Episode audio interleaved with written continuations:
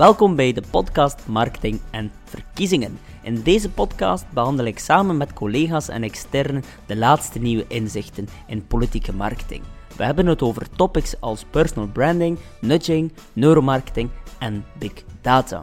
Ik wens jullie alvast heel veel inspiratie. Als jullie vragen hebben, mogen jullie mij altijd contacteren via reinoud.exposure.be.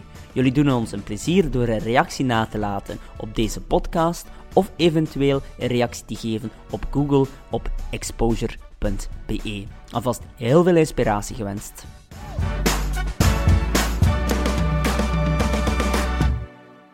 Welkom bij alweer een nieuwe aflevering van de podcast Marketing en Verkiezingen. In deze aflevering hebben we de voorzitter van Jong VLD te gast. Welkom Tess.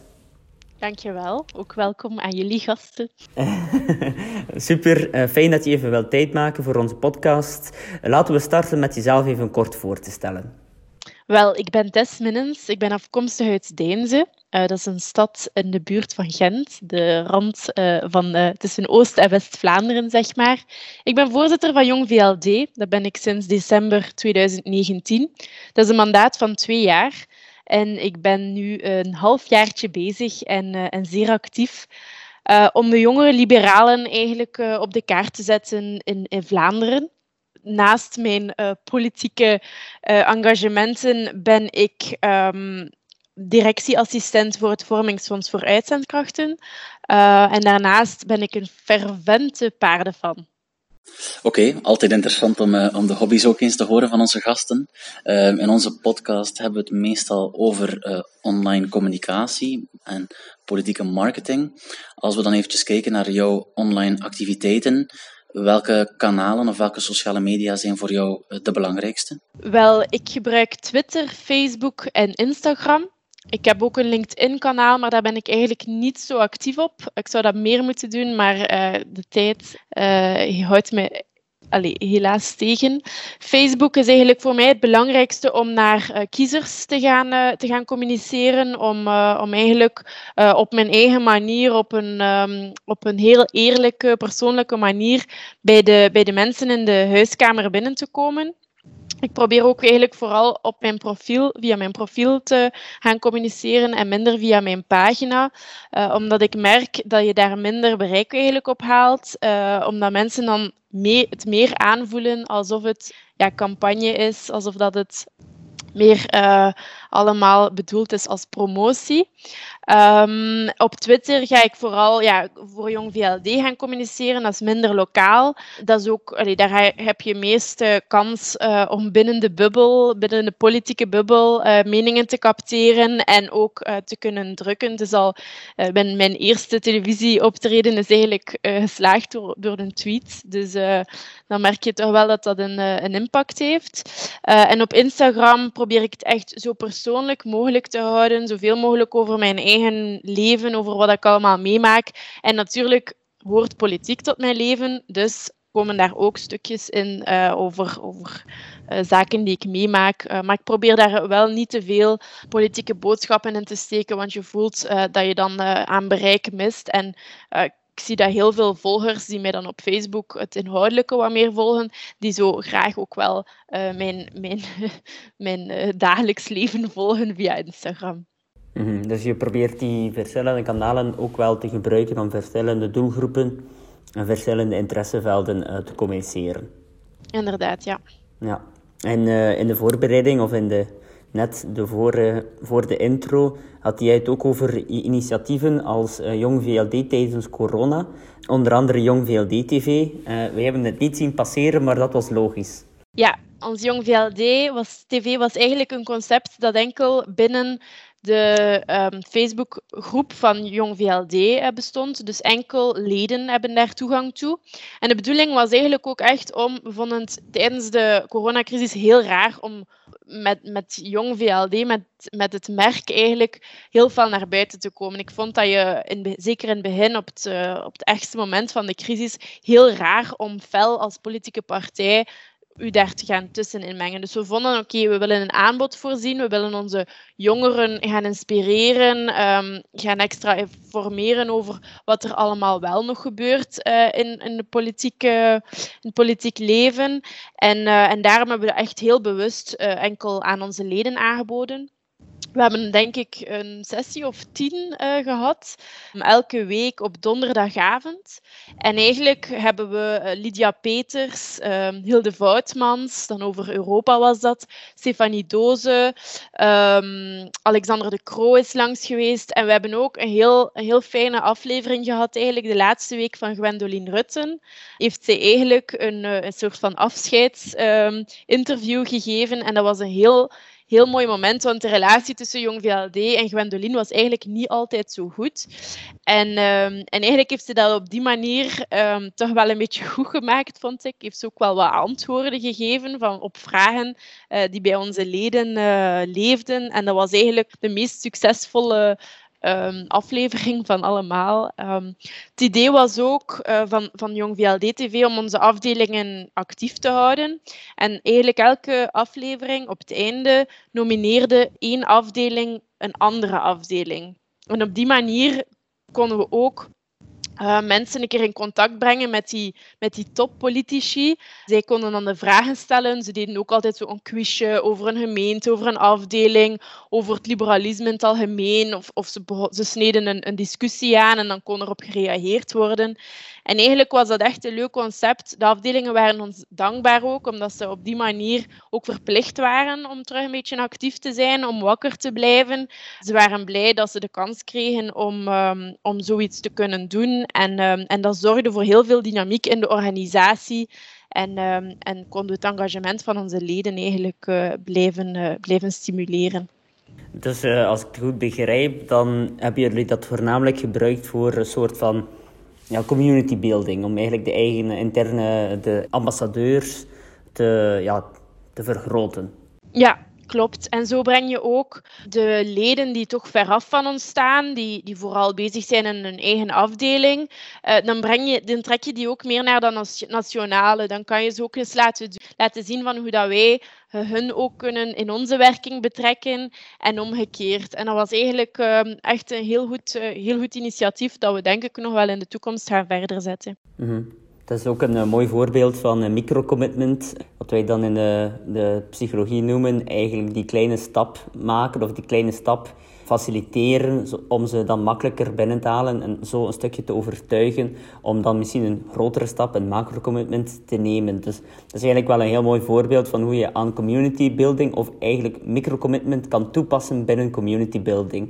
Is die community building ook iets wat jij, wat jij in jouw programma had staan toen je verkozen wou worden als, als jong VLD-voorzitter, om terug uh, meer mensen daarbij te betrekken?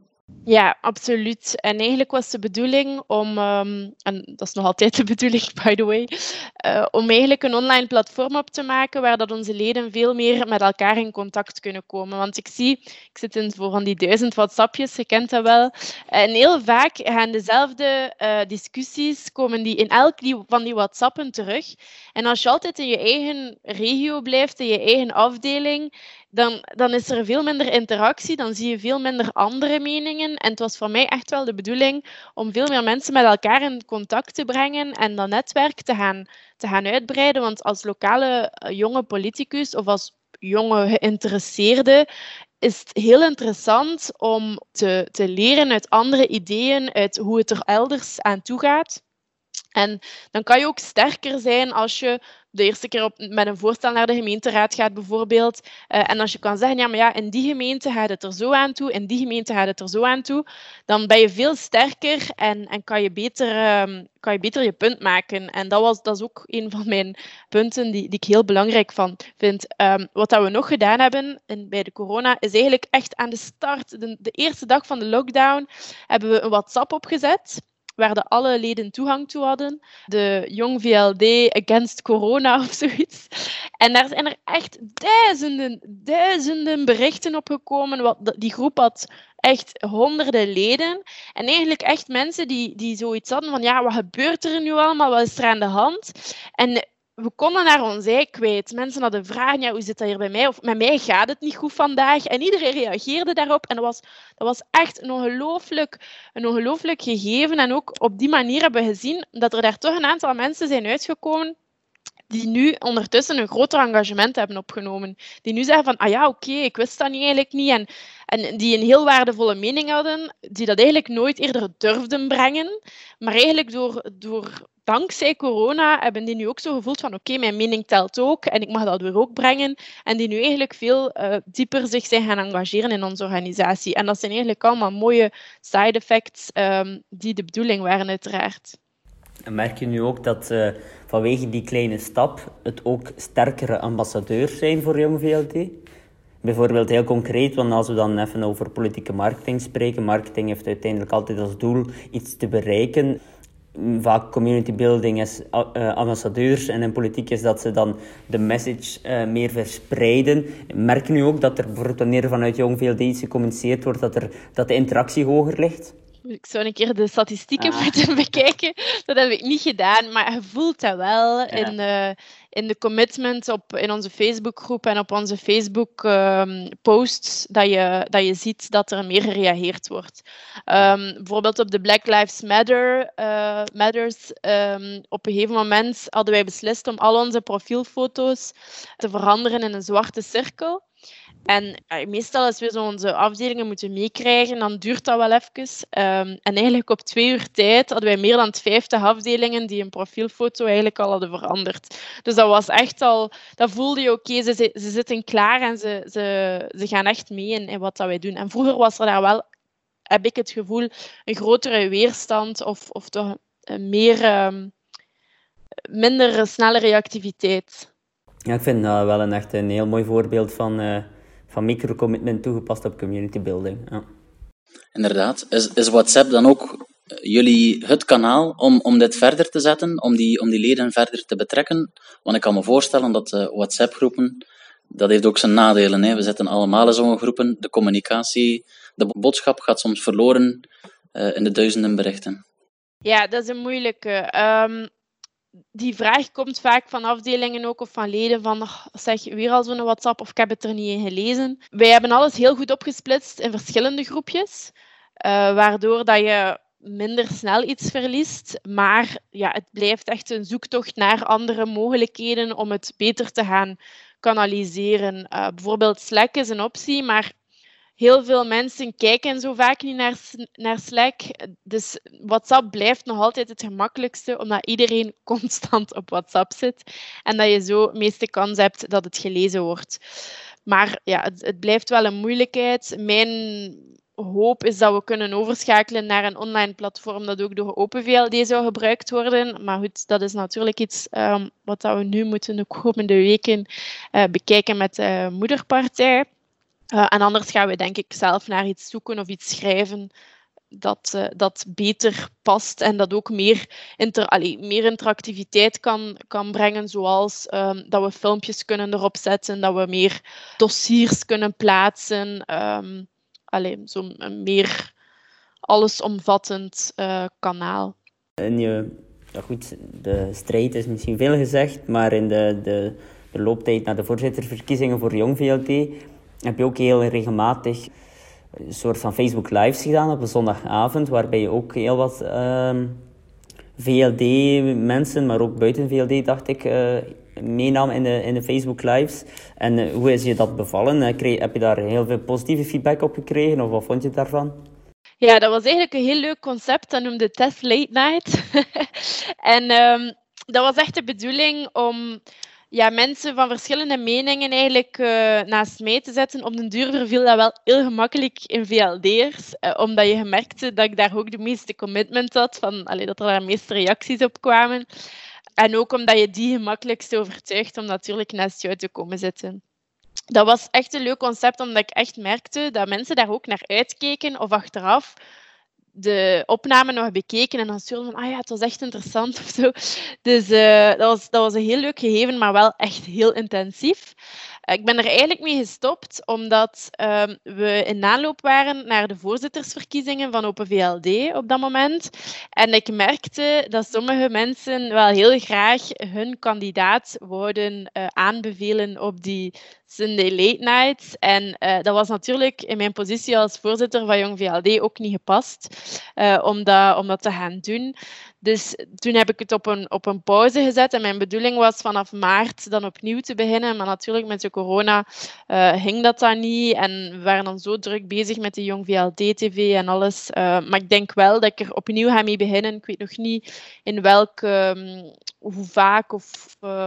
of met wie. Maar, uh, maar het was zeker een, uh, een concept dat aansloeg en dat, dat ik in de toekomst nog wil herhalen.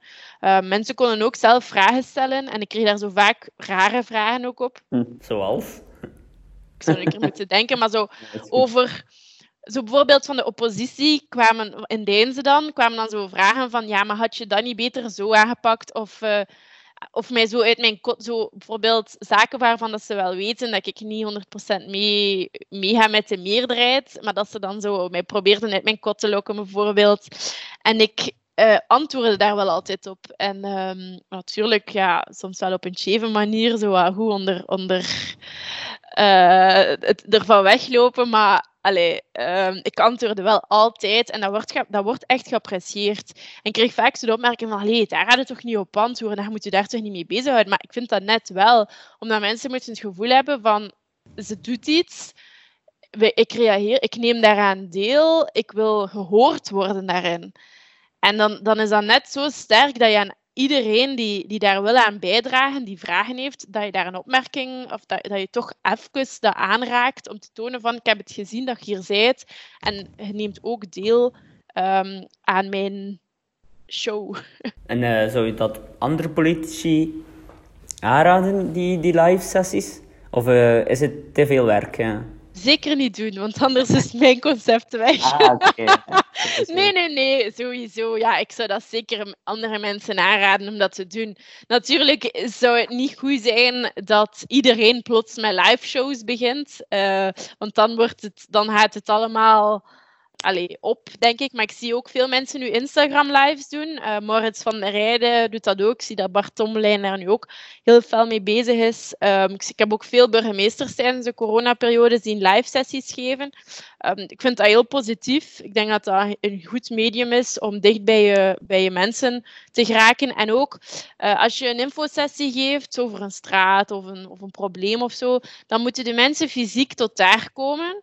En dan moeten ze een soort van ja, bekennen dat ze het gezien hebben. Of, allee, het is zo, soms een drempel om deel te nemen aan. En eigenlijk kan je deelnemen aan zo van die live sessies best redelijk anoniem. Um, niemand heeft gezien dat je er bent, of niemand heeft gezien dat je achteraf gekeken hebt. En dat, dat is toch wel handig, denk ik, ook voor de oppositie bijvoorbeeld. Uh, ook voor mensen die niet helemaal met je eens zijn, um, is dat wel interessant om die ook een keer je mening te laten, uh, te laten horen. Mhm. En uh, natuurlijk, Facebook Live, zeker in politiek, wanneer je je hoofd boven het maisveld steekt, dan, uh, dan, dan passeert de zeeg. Ehm, in politiek, ja, goed, krijg je wel, wel snel negatieve reacties.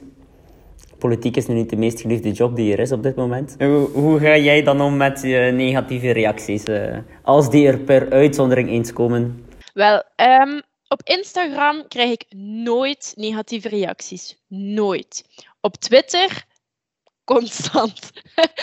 constant krijg je bagger. En in het begin reageerde ik daarop, maar nu niet meer. Trollen, daar ga ik echt mijn energie niet meer in steken. Valse trollen, uh, nee, ik zal het zo zeggen. Mensen die die trollen, maar wel gewoon echt mensen zijn, daar zal ik wel soms een keer op reageren. Um, als ik merk van misschien moet ik dat zieltje toch nog proberen overtuigen van mijn oprechtheid. Soms zeg ik dat wel nog doen. Uh, op Facebook moet ik zeggen dat ik zo probeer een warrior te zijn en iedereen nog um, probeer te overtuigen. En um, soms lukt dat, soms lukt dat niet. Ik heb deze week echt een hell of a week gehad, um, omdat ik dit weekend gereageerd had op iemand die echt racistische dingen schreef. Het was een post die wat op het randje was, waar ik op gereageerd had. En dat heeft enorm veel racistische reacties teweeggebracht. En nadien kreeg ik eigenlijk in mijn privé in mijn chat, uh, zo privéberichtjes, uh, kreeg ik plots echt een, een heel grof en racistische opmerking. En dat was echt voor mij echt iets van: what the fuck, Marcus, waar zijn jullie mee bezig? Uh, het was zoiets van: ja, als ik bij de Afrikanen wil slapen, dat ik dan maar moet meegaan naar een land of zo. En dat, dat was het kieken die dat dan nog heeft, misschien mag ik niet zeggen kieken, maar de persoon die dat gezegd heeft, die, die dat geschreven heeft, is dan nog een leerkracht. Dus dat heb ik wel even aan de school gemeld dat ik dat berichtje gekregen heb. Uh, kwestie omdat ik echt gewoon vind van okay, dat hij dat mee aan doet, uh, geen probleem. Maar dat iemand met zo'n ingesteldheid voor de klas staat, daar heb ik toch een probleem mee. Ja, je bent dus een echte social media uh, warrior. Maar ja, waar, waar blijf je daar de energie voor vinden om, om keer op keer uh, in discussie te gaan met mensen die misschien niet fatsoenlijk communiceren ten opzichte van jou? Dat vraag ik mij ook af. Ehm, dat is een goede vraag. Um, dat, ik zeg het heel vaak, zeggen mensen van, maar waarom reageer jij daarop en wat doe je? Maar ja, dat is ook een beetje mijn, mijn inborst, mijn, mijn gevoel van, allee, um, als we dit allemaal laten gebeuren, als we daar allemaal blind voor blijven, wat er allemaal op ons afkomt, wat er allemaal geschreven wordt naar ons, ja, dan wordt het alleen maar erger en dan ga je op den duur niet meer, niet meer, niks meer op Facebook zetten, niet meer, niks meer plaatsen. En dan hebben we een probleem, denk ik. Dus als ik het niet voor mezelf doe, dan doe ik het misschien voor de andere jongeren, andere mensen die, uh, die een mening willen delen op, uh, op social media, om toch zo hun ook te, een stuk te beschermen. Maar het is echt niet gemakkelijk, want ik had, dat doet pijn, hè, zoiets krijgen. Dat raakt u. En zeker omdat, ik kan me goed voorstellen, allee, ik weet dat er politici zijn die niet zuiver op de graad zijn. En heel, van mijn, allee, heel veel van mijn volgers hebben ook het idee van, goed, kijk, um, Tess, ik ga nu niet zeggen dat ik heiliger dan, ben dan een pauze, maar heel veel van mijn volgers zeggen van, ja, bij u kunnen we terecht. Jij bent nog een goeie uh, maar al die andere politici, en ik, ik wil dat beeld ook vaak gewoon gaan, gaan uh, doorprikken, want er zijn de meeste politici die ik ken, dat zijn goede mensen. Dat zijn mensen die heel hun leven eigenlijk geven, al onze vrije tijd, alles gaat naar die politiek. Je doet zo je best. En dan word je gewoon zo, oh ja, maar ja, die politici, maar politiek is niet gemakkelijk.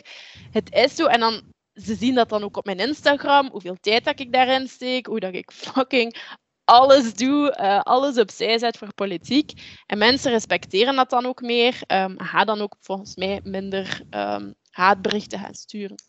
-hmm. Het is sowieso ook, ook, iets die we vanuit marketing-oogpunt toch wel aanraden, de warrior zijn. Want doe je het niet voor, de, voor degene die je aanvalt, dan is het gewoon ook uh, een meerwaarde voor je volgers. Dat je ziet dat je daar niet bij neerlegt en dat je competitief bent. Dat je, dat je, niet laten doen, vechten. Uh, dat, dat, dat, dat, dat imago werkt wel bij heel veel mensen, meestal van je achterban. Uh, dus goed. Maar goed, het is nooit fijn, hè? Het is nooit fijn, hè? Wat dat ik moeilijk vind in die zin is um, dat je daardoor ook op politiek niveau uh, vaak wordt tegengewerkt. Uh, deze week Siham, die, die een andere mening heeft dan de meerderheid en, en die eigenlijk anders stemt dan de anderen. Iemand die, allez, Siham is ook iemand die altijd echt zich volledig geeft en daar felheid tegen opkomen. Maar bon, zo zijn we met velen. Hè. Er zijn heel veel mensen die constant opnieuw zich, zich te strijden gaan en, en gaan reageren en, en opkomen voor, voor uh, de mensen die minder hebben dan wij, laten we zeggen. Um, maar dat kan, dat kan uw politiek echt blokkeren. Ik heb echt vaak, allez, als dan in Deense lokaal gaat, dat ik, dat ik mij moet inhouden, omdat ze zeggen, ja, ze is daar weer, ze is weer ambetant aan het doen, en we gaan ze gewoon negeren. En dat is ook ambetant, omdat je veel minder allee, omdat ze weten dat je een ambetante bent, laat ons zeggen, dat ze, dat ze gewoon gaan negeren. En um, ik, begrijp, ik, ik heb begrip voor Siham dat ze zegt, oké, ik ga nu gewoon mijn eigen goesting doen, alleen mijn eigen, voor mijn eigen ideeën staan dat is helemaal niet realistisch. En ik ben blij voor haar dat dat nu gegaan is. Dat, dat men dat uh, aanvaard heeft. Maar uh, ik kan mij dat niet uh, inbeelden dat ik dat lokaal doe. Terwijl ik heel veel moet slikken en heel veel op dingen reageer. Van dit kan niet, maar je moet ze gewoon slikken, want het is zo. En hoe lastiger dat je doet, hoe, minder, hoe meer kans dat de dingen dat je uh, aanklaagt, dat die er toch doorkomen. Mm Ja, sowieso negatieve reacties zijn zeer moeilijk. We zeggen meestal eh, als het raar doet in de buik, omdat je je aangevallen voelt en dat, dat, dat, dat, dat voelt, dat, ja, dat is pijnlijk, dat is vervelend. Zeker omdat je, zoals je zegt, je keihard inzet. En iemand die dan een beetje van de zijlijn één keer iets volgt en dan je negatief uh, benadert. En dat, dat, dat voelt raar in de buik. Dan zeggen we meestal leg dan even die gsm aan de kant en uh, wacht even met reageren. En als we en als het raar doet in, je hoofd, omdat je iets gerookt of gedronken hebt, dan zeggen we ook, leg hem even aan de kant. Eh. Dus het is eigenlijk maar op twee manieren dat je niet mag reageren. Dus wanneer het raar doet in je hoofd of wanneer het raar doet in je buik. Maar goed, dit gezegd zijnde, misschien moeten we een laatste vraag nog stellen. En, uh, een vraag ja, die we ook wel soms eens in, in opinies zien, is sociale media voor jou een vloek of een zegen? Ik vind dat een zegen. Ik vind dat je als, politiek de kans hebt, als politici de kans hebt om heel dicht bij je mensen te komen en om op een eigenlijk gemakkelijke manier een groot bereik te halen. Om mensen te gaan overtuigen ook um, van jezelf. Uh, door enerzijds jezelf te tonen, je persoonlijkheid te tonen en anderzijds ook je inhoud. En dat je daar een groter bereik mee kan halen. Het is, het is lastig uh, voor mensen die er niet mee mee zijn. Uh, dat besef ik te volle. Maar als je ermee weg bent en als je ja, je, je bereik alsmaar kan vergroten um, op social media, ja, dan denk ik dat, dat dit echt um, de mogelijkheid is om te groeien als, als politicus en zeker als jonge politicus. Ja, als je spreekt van je bereik vergroten, nog een laatste kleine vraag. Om je bereik te vergroten bij uh, eerder jongere, jongeren, uh, zijn al een aantal politici op TikTok uh, beginnen verkennen. is dat iets wat bij Jong VLD ook op de agenda staat? Dat, dat staat op onze agenda, maar dat is echt, eerst en vooral, dat is echt ook niet mijn ding om zo van mezelf. Ik zit daar niet echt. Uh... Maar ik zet wel uh, filmpjes van mijn pony um, op uh, TikTok. Dat, zo probeer ik het wat te ontdekken, hoe dat het in elkaar zit. Maar het staat twee maanden al op onze to-do-lijst van we doen iets met TikTok, maar het komt er niet van. Ook omdat we allemaal zoiets hebben van oh my god, hoe moeten we dat aanpakken? En um, ik ga denk ik nog even blijven oefenen met mijn pony. Uh, moet mij zeker volgen en kijken. Uh, het zijn echt hilarische filmpjes. En dan zie ik wel, denk ik. Maar het is ook heel tijdintensief, vind ik, TikTok. Ons advies is ook, bezin voor je begint. Um, beter een paar kanalen goed dan alle kanalen slecht. En als je het niet graag doet, dan weten wij gewoon ook dat, je, dat, dat het meestal moeilijk is om vol te houden. En dan werkt het toch niet. En dat je je energie en je weinige tijd die je dan nog over hebt, ja, die ga je dan toch sowieso verspild hebben aan TikTok, omdat je het niet volhoudt. En dan ga je er geen rendement uit halen. Dus ja, waarom zou je er dan drie keer proberen moeite in te steken als je eigenlijk al wishful thinking, uh, of eigenlijk al weet van, ja, ik ga het toch eigenlijk niet kunnen volhouden. Want als je het niet graag doet, dan meestal, dan meestal hou je het niet vol. Ik denk ook um, dat, dat het beter werkt als je wat populairder bent. Allee, ik denk niet dat dat ik nu al populair genoeg ben, laten we zeggen, om, uh, om zo filmpjes van mezelf te maken die, die mensen sowieso aanklikken. Ik denk dat niet. En ik denk dat je eerst uh, toch wel al iets bekender moet zijn. En al, uh, Sammy Medi bijvoorbeeld, um, is daar denk ik wel iemand die zo wat inhoudelijke TikToks zou kunnen maken met zo yes en no en wat is het allemaal. Dat je dat dan al kan maken, maar ik denk niet dat, dat ik daar al klaar voor ben. Ja, ik denk ofwel steek je er zeer veel tijd in dat je een achterban creëert, oftewel heb je al die achterban die je kan meenemen. Ik denk dat dat inderdaad een, belangrijke toevoeging is. Oké, ik denk dat we aan het einde zijn van deze podcast. Ja, hartelijk dank Tess om uh, even tijd vrij te maken voor onze aflevering. En uh, ja, ik denk dat we zeker wel nog in contact zullen blijven staan en dat we zullen blijven kijken of we toch geen Jong VLD TV kunnen uh, bekijken op Facebook. Dus hartelijk dank en tot de volgende alvast. Heel erg bedankt. Tot de volgende. Ik hoop dat jullie het ook zo boeiend vonden. Als jullie nog meer informatie willen, neem dan dus zeker een kijkje op www.exposure.be.